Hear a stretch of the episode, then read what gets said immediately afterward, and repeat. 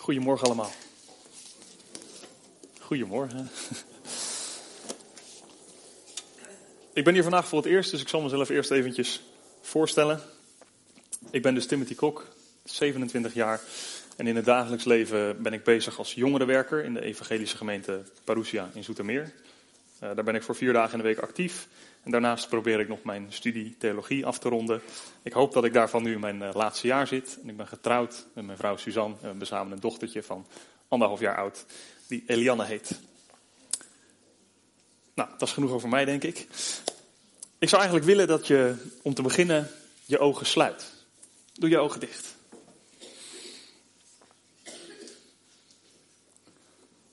Lazarus, kom naar buiten. Je mag je ogen weer open doen. Ik weet niet hoe het zit, maar Lazarus die al een tijdje overleden is, zelfs zo een tijdje dat zijn lichaam begint te ontbinden, die wordt naar buiten geroepen uit het graf door Jezus. Lazarus, kom naar buiten. Dat roept Jezus. Ik weet niet waar Lazarus op dat moment was. Misschien was hij al in de hemel, of was hij bij de hemelpoort, of zat hij in een soort wachtkamer.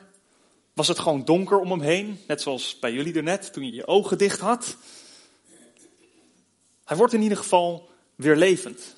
Hij staat op en hij komt naar buiten.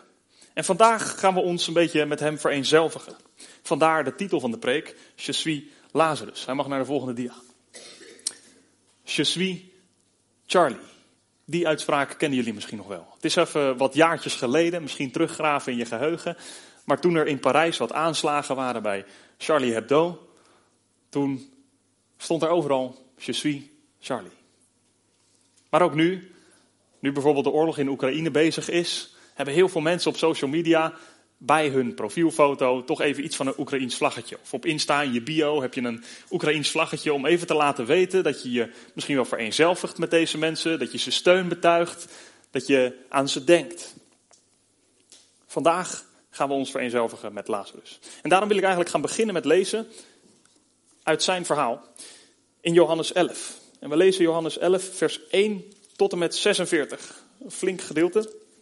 Dus pak je Bijbel erbij, of je Bijbel-app, blader of scroll erheen. Johannes 11, vers 1 tot 46. Ik lees met jullie uit de herziene statenvertaling vandaag. Maar lees gerust mee in de vertaling die je prettig vindt.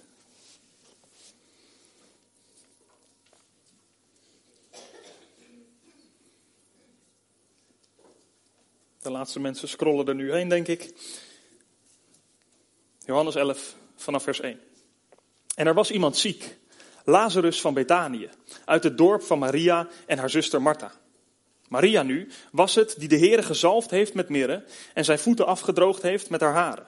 Haar broer Lazarus was ziek.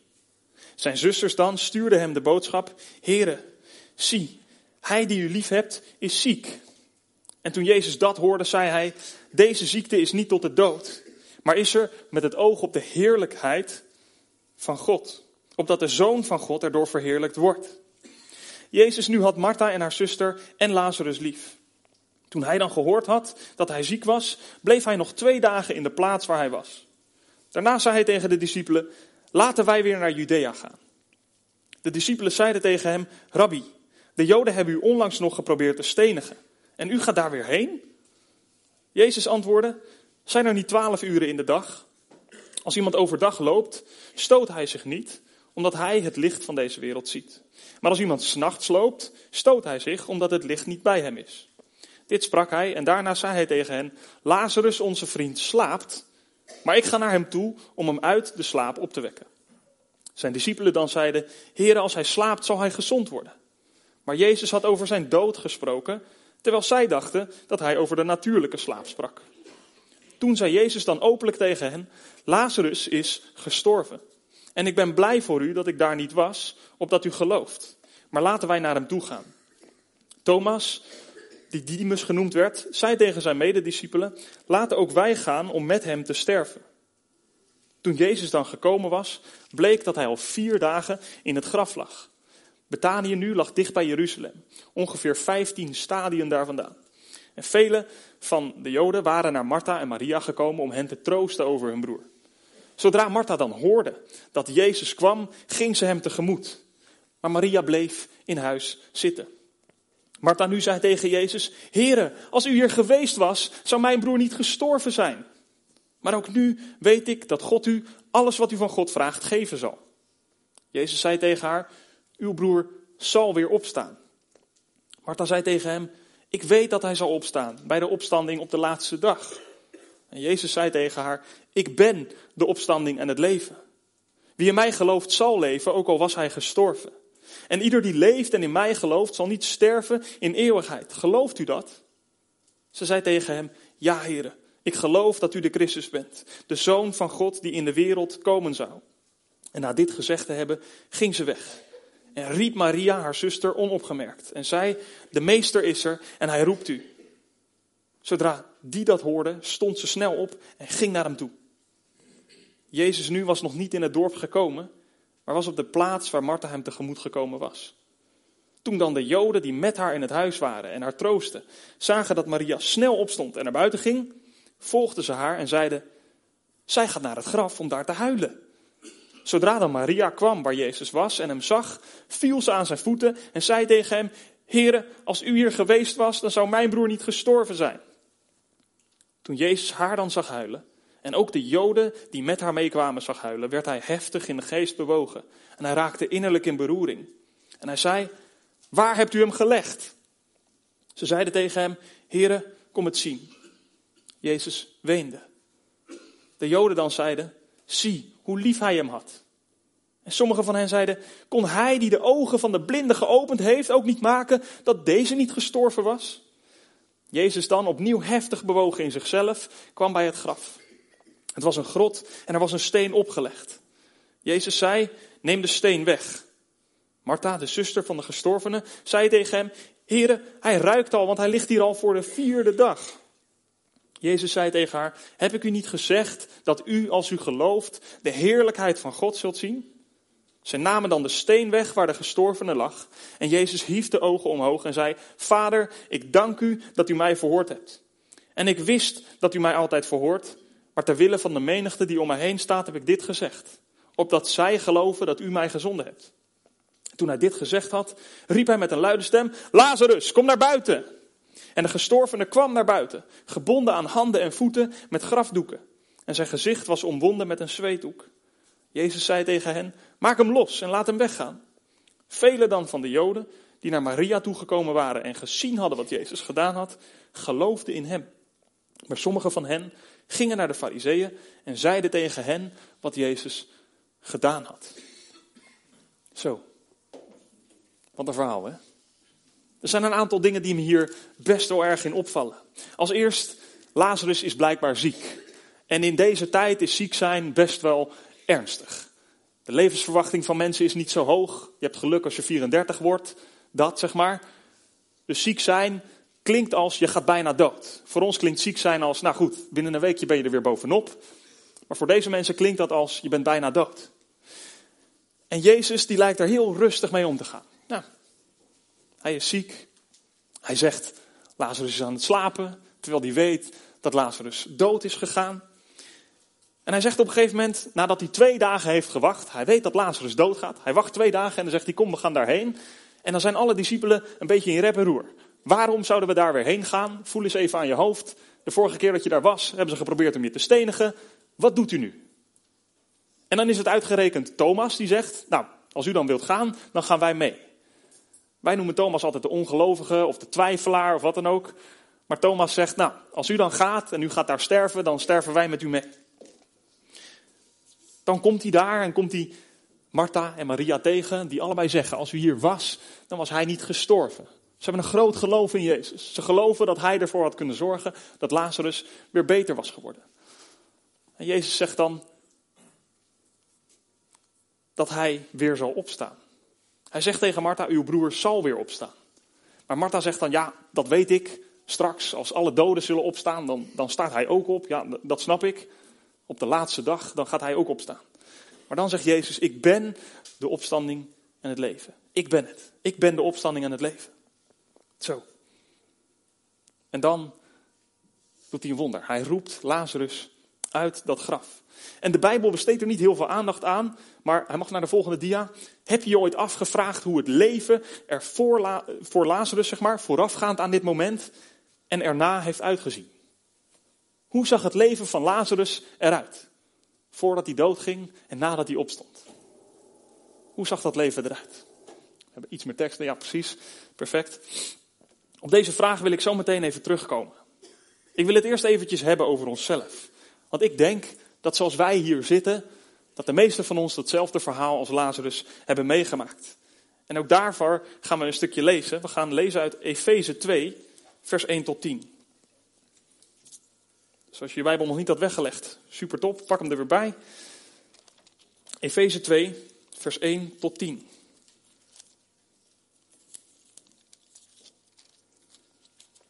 Daar schrijft Paulus, ook u, wij, heeft hij, Jezus, met hem levend gemaakt. U die dood was door de overtredingen en de zonde, waarin u voorheen gewandeld hebt. Overeenkomstig het tijdperk van deze wereld, overeenkomstig de wil van de aanvoerder van de macht in de lucht, van de geest die nu werkzaam is in de kinderen van de ongehoorzaamheid, onder wie ook wij allen voorheen verkeerden, in de begeerten van ons vlees. Door de wil van het vlees en de gedachten te doen. En wij waren van nature kinderen des toorns evenals de anderen. Maar God, die rijk is in barmhartigheid, heeft ons door zijn grote liefde, waarmee hij ons lief gehad heeft, ook toen wij dood waren door de overtredingen, met Christus levend gemaakt. Uit genade bent u zalig geworden. En heeft ons met hem opgewekt en met hem in de hemelse gewesten gezet in Christus Jezus.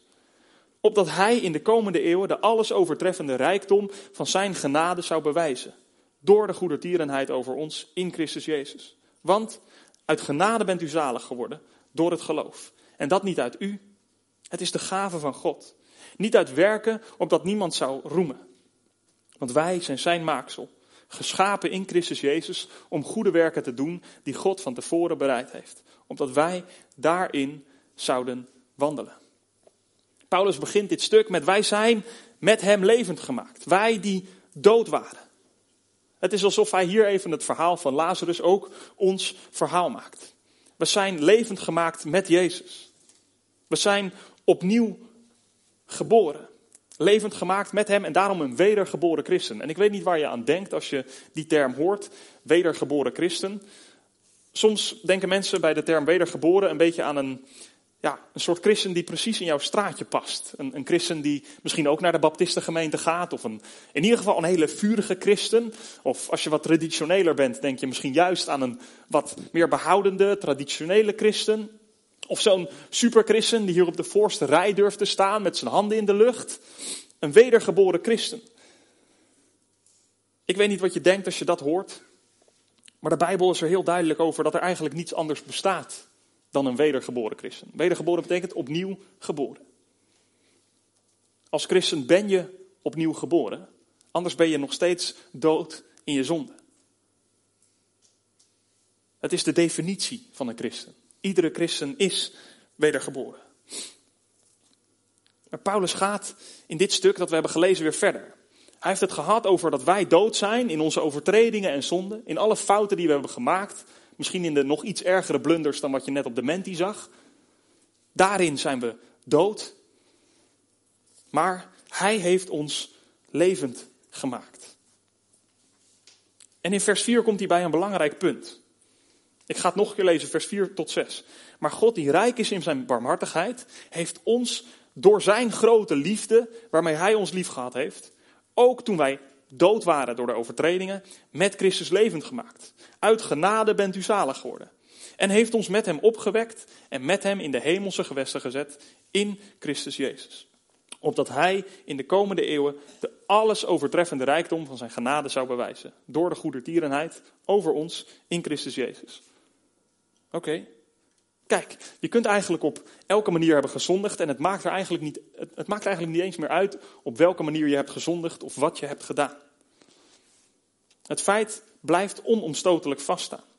De focus in dit kleine stukje wat Paulus hier schrijft ligt eigenlijk op de daden van God. Wij waren dood in onze overtredingen en zonden, maar God maakte ons levend. Want heel even, ja, misschien een beetje plat gezegd, Maar wat kan een dode nou voor zichzelf doen? Als ik hier vooraan nu een dood persoon zou hebben liggen, en we noemen hem voor het gemak even Frank. Ik weet niet of er hier iemand is die Frank heet, maar nou goed, dan gaat het niet over jou. Maar er ligt hier een dode vooraan. En die heet Frank. Als ik nu tegen Frank zeg, luister Frank, je veters zitten los. Wat gaat er dan gebeuren? Helemaal niks. Frank gaat zijn eigen veters niet strikken, want hij is dood. Zo is het ook met ons in onze zonde. Wij hebben niet zoveel voor onszelf gedaan, omdat wij dood waren in onze zonde. Maar soms gedragen we ons alsof we onszelf weer tot leven hebben gewekt. Of hebben we het idee dat we dat zouden moeten doen op een of andere manier, door goede daden of zoiets. Maar het belangrijke in ons verhaal is wat Jezus voor ons heeft gedaan. Want wij zijn ongehoorzaam geweest aan God. Wij hebben gerebelleerd tegen God. Uit mezelf ben ik verdwaald. Ik ben andere dingen gaan volgen. Ik vond andere dingen belangrijker. Maar wat deed God? Hij maakte mij levend. Hij heeft mij gered. Hij heeft mij in de hemelse gewesten gezet met hem. En dan is het volgens mij weer tijd om terug te gaan naar dat verhaal van Lazarus. Hij mag naar de volgende dia. Hoe zag het leven van Lazarus eruit? Voorafgaand aan het moment dat hij doodging en daarna. Ik wil het even een beetje interactief maken. Wie was Lazarus? Wie weet wie Lazarus was? Roep maar. Vriend van Jezus. Vriend van Jezus, ja. Nog meer. Broer van Maria. Broer van Martha, inderdaad. ja. Wie was Lazarus nog meer? Ja, we weten niet zo gek veel over Lazarus, toch? We weten eigenlijk niet wat zijn hobby's waren. We weten niet, nou ja, we weten niet wat zijn carrière was of zoiets. Of, of, of dat hij misschien verliefd of verloofd of getrouwd was. Of, of juist single. We weten niet waar hij werkte. Wat dan ook. Lazarus die, die was eigenlijk bekend. Niet om wat hij gedaan had. Maar Lazarus was bekend om eigenlijk het belangrijkste waar hij bekend om kon staan. Omdat Jezus in zijn leven had gedaan. Daar is Lazarus bekend om geworden. Het belangrijkste dat wij weten over Lazarus, dat weten we ook. We hoeven niet te weten welke carrière die had en wat zijn hobby's waren. En of hij in deze tijd wel, wel of niet het WK had gekeken of wat dan ook. Dat hoeven we allemaal niet te weten. Het belangrijkste dat er in zijn leven is gebeurd, is wat Jezus in zijn leven heeft gedaan. Want hij was dood en Jezus maakte hem levend. Het is terecht dat Jezus daarvoor alle credits ontvangt, alle eer, alle glorie. Maar in onze situatie is het eigenlijk niet zo heel anders. Jezus heeft ook ons uit dat graf laten opstaan. Jezus is zelf de opstanding en het leven. Hij mag naar de volgende dia. Maar waarom deed Jezus dat eigenlijk? Waarom koos God ervoor om ons te laten opstaan uit dat graf? Ik ga hem gewoon weer even interactief maken. Waarom deed Jezus dit? Wij waren dood in onze overtredingen en zonden. Maar waarom maakte God ons levend? Liefde. Nog meer dingen. Of is liefde eigenlijk gewoon het beste antwoord? genade, ja. Liefde en genade. Nog meer redenen? Waarom deed hij dat? Vrijheid, ja. We hebben er net overheen gelezen met z'n allen, in vers 7 van Efeze 2. Er staat, zodat hij in de komende eeuwen de alles overtreffende rijkdom van zijn genade zou bewijzen. Door de goedertierenheid over ons in Christus Jezus. God heeft het niet alleen maar gedaan omdat hij liefde voor ons heeft, of omdat hij liefde is, of omdat hij genade wilde laten zien. Hij heeft het niet alleen maar gedaan omdat hij goed is, maar ook omdat hij zijn goedheid wilde bewijzen. Paulus spreekt over, dan mag hij weer naar de volgende dia, de rijkdom van zijn genade. En die wilde God laten zien. God is rijk in genade, in barmhartigheid en liefde. En dat wil hij demonstreren. Hij wil dat zo graag laten zien. En soms beelden wij God in als een God die een bepaalde voorraad heeft aan, aan genade of zoiets. Ik weet niet of je je dit moment kunt herinneren, maar aan het begin van de pandemie, toen, nou ja, toen wisten we nog niet zo heel erg hoe erg het allemaal was. En op een gegeven moment gingen we in een lockdown en toen dacht iedereen, nu moet ik een webcam hebben. Anders kan ik niet in contact blijven met mensen. Dus mensen gingen ineens webcams kopen als een gek. En waar je normaal gewoon door elektronica zaken kon lopen en gewoon een hele muur vol met webcams kon zien hangen. En je kon kiezen welke je wilde en een scherpe en een goedkope en wat dan ook. Kon dat toen niet meer. Als je toen bij een, bij een winkel kwam om een webcam te kopen, dan viste je achter het net. Ze waren op. En soms beelden wij ons in dat Gods genade ook zo werkt. Dat als er te veel mensen op het verkeerde moment aanspraak op maken, dan vissen we achter het net. Dan kunnen we net niet meer aanspraak maken op de genade van God. Dan is Gods genade en geduld even op. Pech, jammer. Maar zo werkt het niet. Gods genade is, is zo oneindig groot. God is onvergelijkbaar en oneindig rijk in genade. En je hebt eigenlijk twee soorten rijke mensen. Je hebt zij die ermee flexen. En als je niet weet wat flexen betekent, moet je het straks even na de dienst vragen aan iemand onder de 25 jaar. Um, je hebt zij die ermee flexen en je hebt zij die er misschien ja, heel bescheiden mee blijven. Die heel low-key rijk zijn, zeg maar. Ik weet niet of je ooit zo iemand hebt ontmoet waarvan je niet wist dat hij rijk was. Ik wel. Dan kom je er pas na een hele lange tijd achter, omdat je diegene nooit in een dure auto hebt zien rijden, niet in de duurste kleding ziet rondlopen, woont misschien niet eens in een duur groot huis. Maar je komt er gewoon na een tijdje ineens achter dat die persoon best wel rijk is. Maar even dat andere uiterste. Die mensen die ermee flexen. Ja, je mag het straks echt navragen. Je kent ze misschien wel. Van die YouTubers die heel veel geld verdienen. Misschien volg je ze wel. Misschien volg je ze op Insta. Van die mensen die heel veel geld verdienen en daarom graag in dure auto's rondrijden. Um, rappers die misschien elke ketting dragen die ze ooit hebben gezien. Elke gouden ketting. Nog meer dan B.A. Baracus. En als je niet weet wie dat is, moet je het straks vragen aan iemand boven de 25. Um, maar als het gaat om Gods rijkdom in genade en liefde, dan is God eigenlijk meer als degene die het laat zien. God wil dat wij weten dat Hij rijk is in genade en barmhartigheid. God wil het laten zien dat Hij rijk is. Hij wil zijn genade keer op keer bewijzen aan ons allemaal.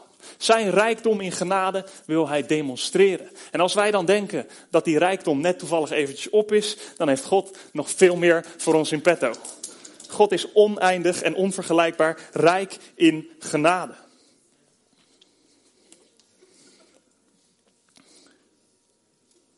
Het probleem is, als mensen dit doen, wat ik er net heb gedaan, dan is het best wel arrogant om te doen. Mensen trekken dan de aandacht naar zichzelf die aan God toebehoort. Terwijl het universum niet om ons draait. Dus we moeten ook niet doen alsof het dat wel doet, maar het universum draait wel om God. Hij mag zich zo gedragen. God mag zich zo gedragen. Weet je, God is eigenlijk zo genadig dat Hij onze aandacht trekt en op zichzelf richt. Zodat wij niet achter allerlei inhoudsloze dingen aan gaan hobbelen. Die misschien uiteindelijk tot het verderf leiden, die, die een heel ander doel dienen. Waar we ons leven niet op kunnen bouwen. God zegt eigenlijk zoiets als hier, kijk naar mij. Ik ben goed, ik ben genadig. Richt je aandacht op mij. Want dat is waar je aandacht hoort te zijn.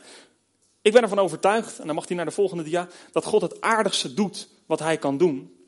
Door ons naar zichzelf te wijzen. God doet het aardigste wat hij kan doen door, door ons naar zichzelf te wijzen. Jezus is de opstanding in het leven. Hij is rijk in genade. Hij is liefde.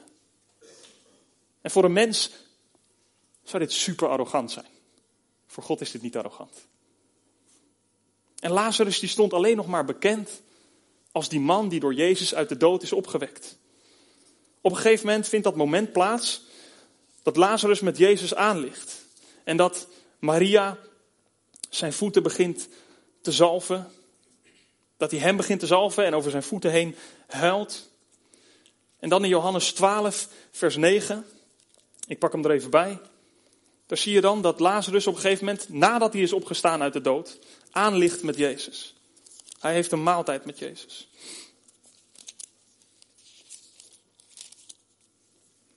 En dan staat er, en een grote menigte dan van de Joden kwam te weten dat hij, Jezus, daar was. En ze kwamen niet alleen vanwege Jezus, maar ook om Lazarus te zien, die hij uit de doden opgewekt had. En de overpriesters beraadslaagden ook om Lazarus te doden omdat omwille van hem vele van de Joden wegliepen en in Jezus geloofden. Lazarus kon eigenlijk niets anders meer met zijn leven dan gewoon een getuige zijn van wie Jezus was. Zijn leven was gewoon één grote schijnwerper geworden naar Jezus. Het feit dat hij rondliep, zijn hele bestaan was één grote Getuigenis van Jezus. En dat is precies hoe het, denk ik, bij ons ook zou moeten zijn. En daarom, je suis Lazarus. Hij mag naar de volgende dia.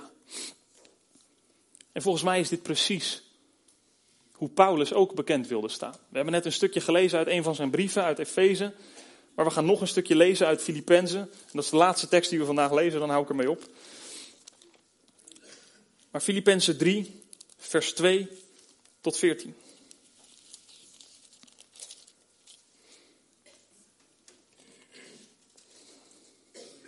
Paulus zegt: Let op de honden. Let op de slechte arbeiders. Let op de versnijdenis. Want wij zijn de besnijdenis. Wij die God in de geest dienen en in Christus Jezus roemen. En niet op het vlees vertrouwen. Hoewel ik reden heb om ook op het vlees te vertrouwen. Als iemand anders denkt te kunnen vertrouwen op het vlees, ik nog meer. Besneden op de achtste dag uit het geslacht van Israël, van de stam Benjamin, een Hebreeër uit de Hebreeën. Wat de wet betreft een Fariseer. Wat ijver betreft een vervolger van de gemeente. Wat de rechtvaardigheid betreft die in de wet is, onberispelijk. Maar wat voor mij winst was, dat heb ik om Christus wil als schade beschouwd. Ja, beslist. Ik beschouw ook alles als schade vanwege de voortreffelijkheid van de kennis van Christus Jezus, mijn Heer, om wie ik dat alles als schade ervaren heb.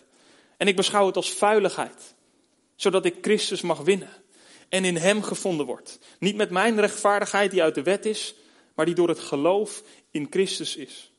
Namelijk de rechtvaardigheid uit God, door middel van het geloof. Zodat ik Hem mag kennen en de kracht van Zijn opstanding. En de gemeenschap met Zijn lijden. Doordat ik aan Zijn dood gelijkvormig word. Om hoe dan ook te komen tot de opstanding van de doden. Niet dat ik het al verkregen heb of al volmaakt ben, maar ik jaag ernaar om het ook te grijpen. Daartoe ben ik door Christus Jezus geroepen. Broeders, ik zelf denk niet dat ik het gegrepen heb. Maar één ding doe ik. Vergetend wat achter mij is, maar uitstrekkend naar wat voor me is, jaag ik naar het goede doel. De prijs van de roeping van God die van boven is. In Christus Jezus. Paulus gebruikt hier een hele hoop moeilijke woorden om eigenlijk te zeggen: als er iemand is die een beetje mag pronken met zijn prestaties, dan ben ik het wel. Alles is in mijn leven goed gegaan. Ik ben op de juiste dag besneden. Ik kom uit een, uit een goede stam. Ik kom uit een goed geslacht. Ik ben een echte Israëliet. Sterker nog, hij had een titel gekregen, tzaddik, rechtvaardige. Als er iemand is die mag pronken met zijn prestaties, dan is hij het wel. Maar hij doet dat niet. Hij zegt, ik beschouw dat allemaal als afval. Voor mij vallen al die titels, er valt geen eer meer in te behalen. Ik wil alleen nog maar bekend staan om wie ik ben in Jezus en wie Jezus in mij is. Volgens mij, als je wil, wil pronken, als je bekend wil staan met wie Jezus in jou is, dan is het helemaal top.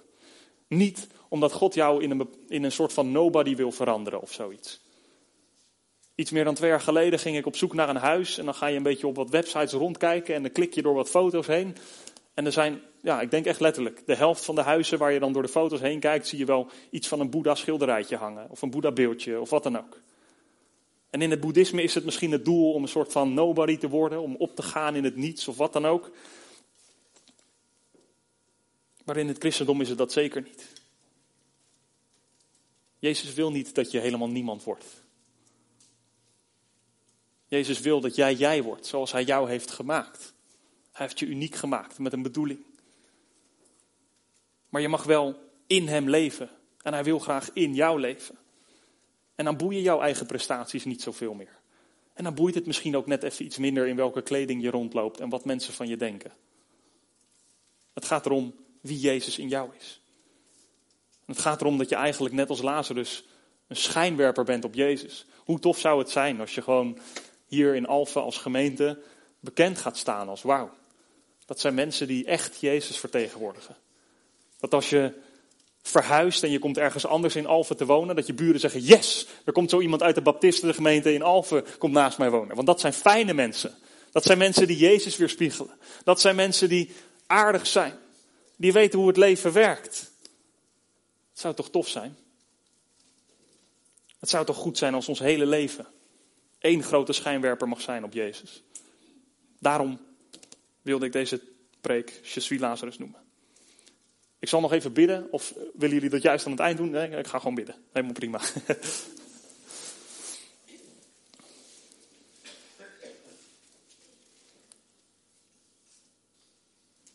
Heer, we willen meer en meer lijken op U.